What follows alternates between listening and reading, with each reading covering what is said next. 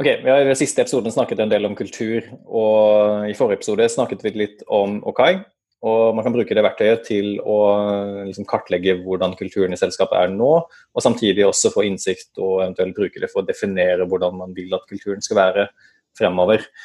Så gitt at man vet liksom, eh, utgangspunktet og destinasjonen, og gitt at man tenker at uh, folk er folk, har vi noe annet alternativ enn å bare si opp alle som ikke passer innenfor kulturen man ønsker å ha, og bare ansette nye folk?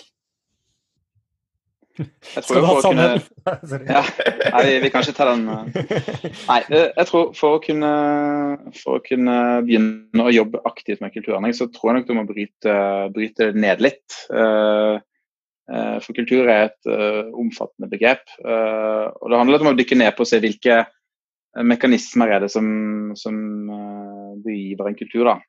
Og der er det jo mange Eh, elementer. Eh, noen av de som klassisk nevnes, er jo eh, hvordan lederskap utøves, hvordan man definerer suksesskriterier og insentiver.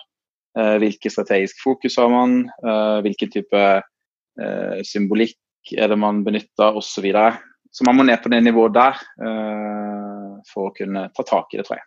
Ja, fordi du, du kan liksom ikke bare i et allmøte si nå skal vi være en klankultur. Så nå skal alle gå rundt og begynne å klemme hverandre. Det går ikke. Du må liksom dra i disse små andre grepene. Ja, det, det, er vel omtrent det samme som å si at uh, nå, Mutte, nå skal du skifte personlighet. Så i morgen så skal du, uh, uh, skal du bytte hårsveis, og så skal du kle deg annerledes, og så regner jeg med at du blir en annen person. Det er ikke så enkelt som det. Og alle skal gjøre det samtidig. Ja. Men heldigvis da, så er, det, så er det sånn at i, i, i, i Okai-rammeverket bl.a.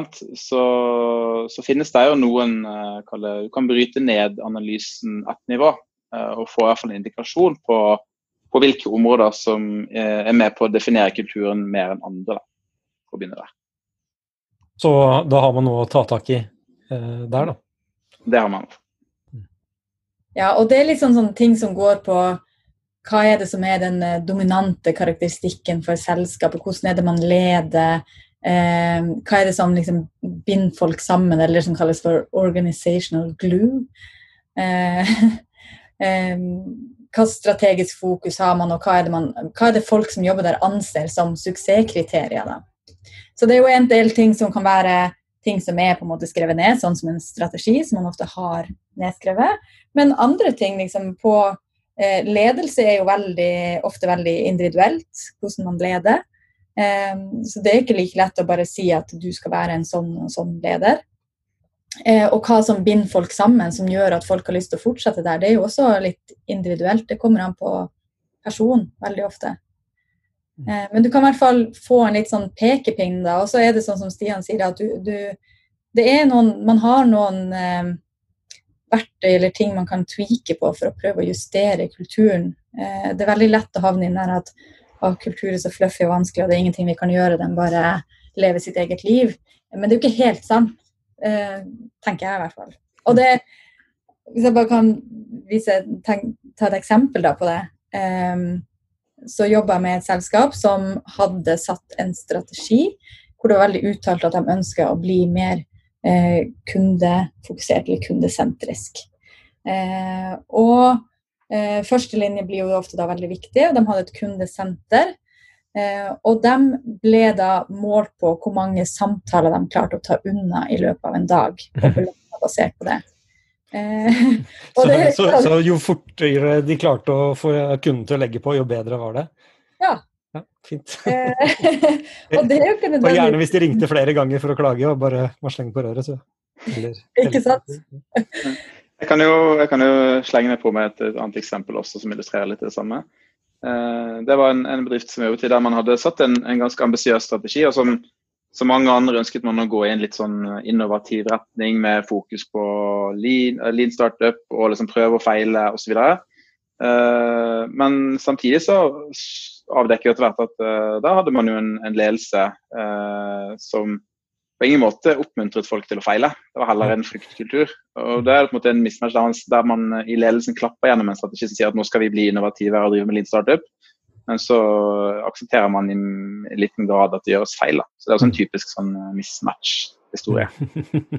Ja, og det er jo en ting som, som har gått igjen. Vi har jo hatt noen, en del episoder tidligere hvor vi har snakka om produktutvikling og smidig organisering og en del sånt. Og da er vi også inne på det her med at en, hvis du ønsker å være smidig og innovativ, eh, så må du ha en kultur der man tør å prøve og feile. Mm. Og ikke en sånn type fryktkultur. Så ledelse er jo ekstremt viktig når man skal bygge kultur. Det er en sånn ting, altså Nå sitter jeg her som evolusjonsbiolog og bare hører på hvordan dette her eh, jobbes med. Og En ting som slår meg, er den inndelingen og det og disse fire arketypene på uh, kultur og sånn, det, det, virker litt forenklet. altså Selvfølgelig er det forenklet, men det virker jo det fanger liksom ikke opp at noen kulturer er dominante, tenker jeg. At f.eks. fruktkultur, da, altså en, en veldig tydelig eh, eh, ledelse som slår ned på feiling, f.eks. Det sprer seg så fort. Noen type kulturelle uttrykk river beina under andre forsøk på en annen måte enn andre veien. Da. Men du, du vil kunne finne igjen Andreas, så vidt, ja. i, Jens Andreas i, i rammeverket. for det, i en sånn situasjon der så vil du jo få et på den underdimensjonen som handler om lederskap, så vil du få et utslag som går veldig mye i retning av byråkrati. Da får du mm. egentlig en ledelse som er prosedyrestyrt uh, fremfor. Så, så du uh, på ingen, Jeg tror på ingen måte at rammeverket er perfekt, og det er jo forenklet nettopp fordi det skal være anvendbart. Uh, men noen indikasjoner har det. Ja, kjempespennende. Men har vi noen suksesshistorie da, for liksom gode ideer på tiltak man kan gjøre for å dra kulturen i viss retning? Jeg, jeg har uh, følelse av at å sette i gang altså noen som bare uh, walk the talk, holdt jeg på å si, et type team som bare begynner å jobbe ordentlig, som skaper en kultur, sår en kjerne, så andre har lyst til å være med på. Det har i hvert fall jeg sett at, at, uh, at funker. Det, det, slår litt igjen, det slår litt beina under andre måter å gjøre det på, hvis du bare får til en veldig veldig bra kultur et sted, så alle, flere, det, det, skaper en dynamikk da, hvor andre har lyst til å være med på den måten. Eller en positiv måte å jobbe på.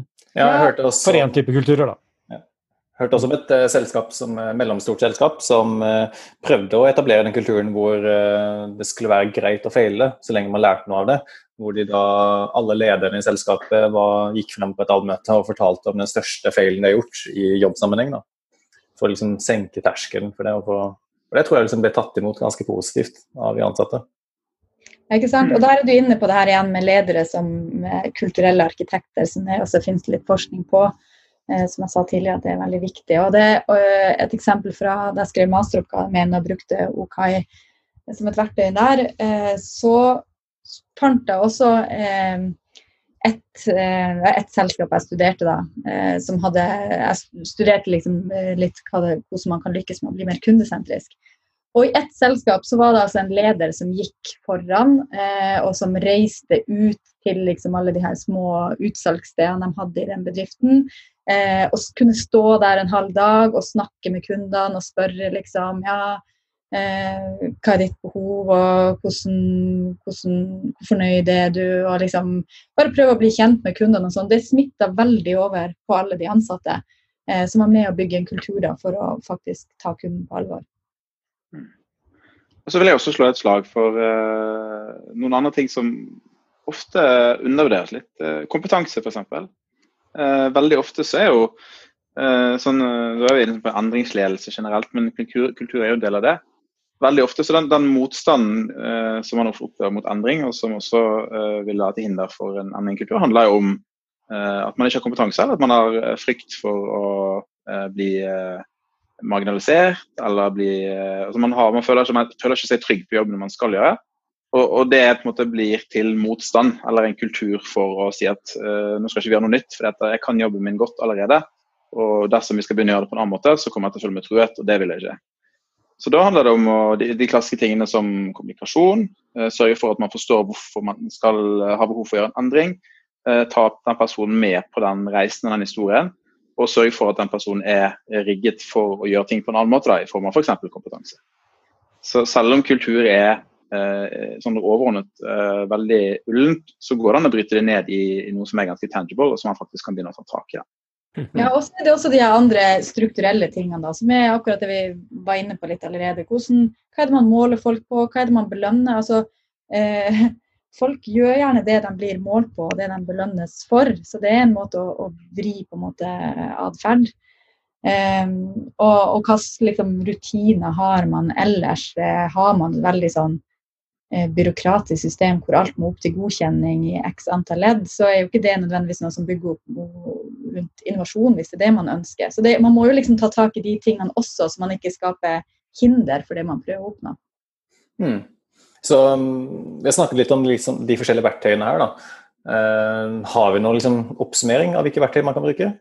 Har vi en sånn, eller er det liksom it depends? Har vi liksom en verktøykasse her? Vi snakket litt om insentivmodeller. Er definitivt en ting. Liksom, du kan betale folk til å skade kulturen, eller du kan betale folk til å gjøre kulturen bedre. Snakke litt om eh, Målesystem. Hva sa du? måling, hvordan man måler folk, hva man måler på. Eh, hvordan man organiserer sjappa. Om man er veldig sånn Ønsker man å ha en klankultur der man hjelper hverandre og har masse samarbeid, så skal man kanskje ikke være helt sånn siloorganisert. Eh, hvordan man bygger opp prosessene sine.